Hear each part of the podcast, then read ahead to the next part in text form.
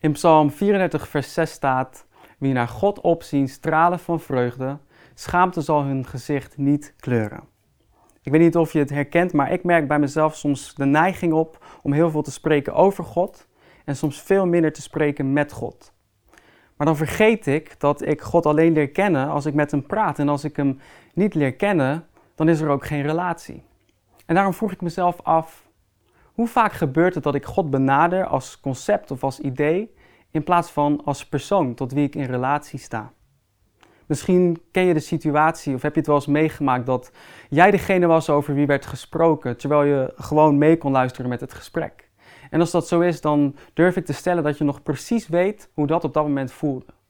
En toch is dat ook hoe heel vaak Gods eigen kinderen met God omgaan.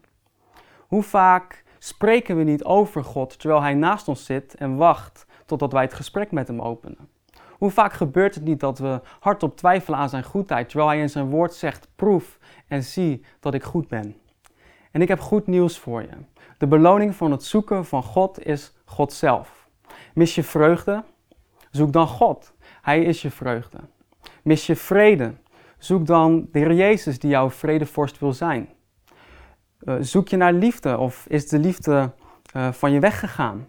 Zoek dan God die jouw liefde is. In 1 Johannes 4 staat zo mooi: God is liefde. In het Engels zeggen ze het heel erg mooi. You become like the one you behold. In het Nederland klinkt het net iets minder. Waar je mee omgaat, daar word je mee besmet. En het idee is dit.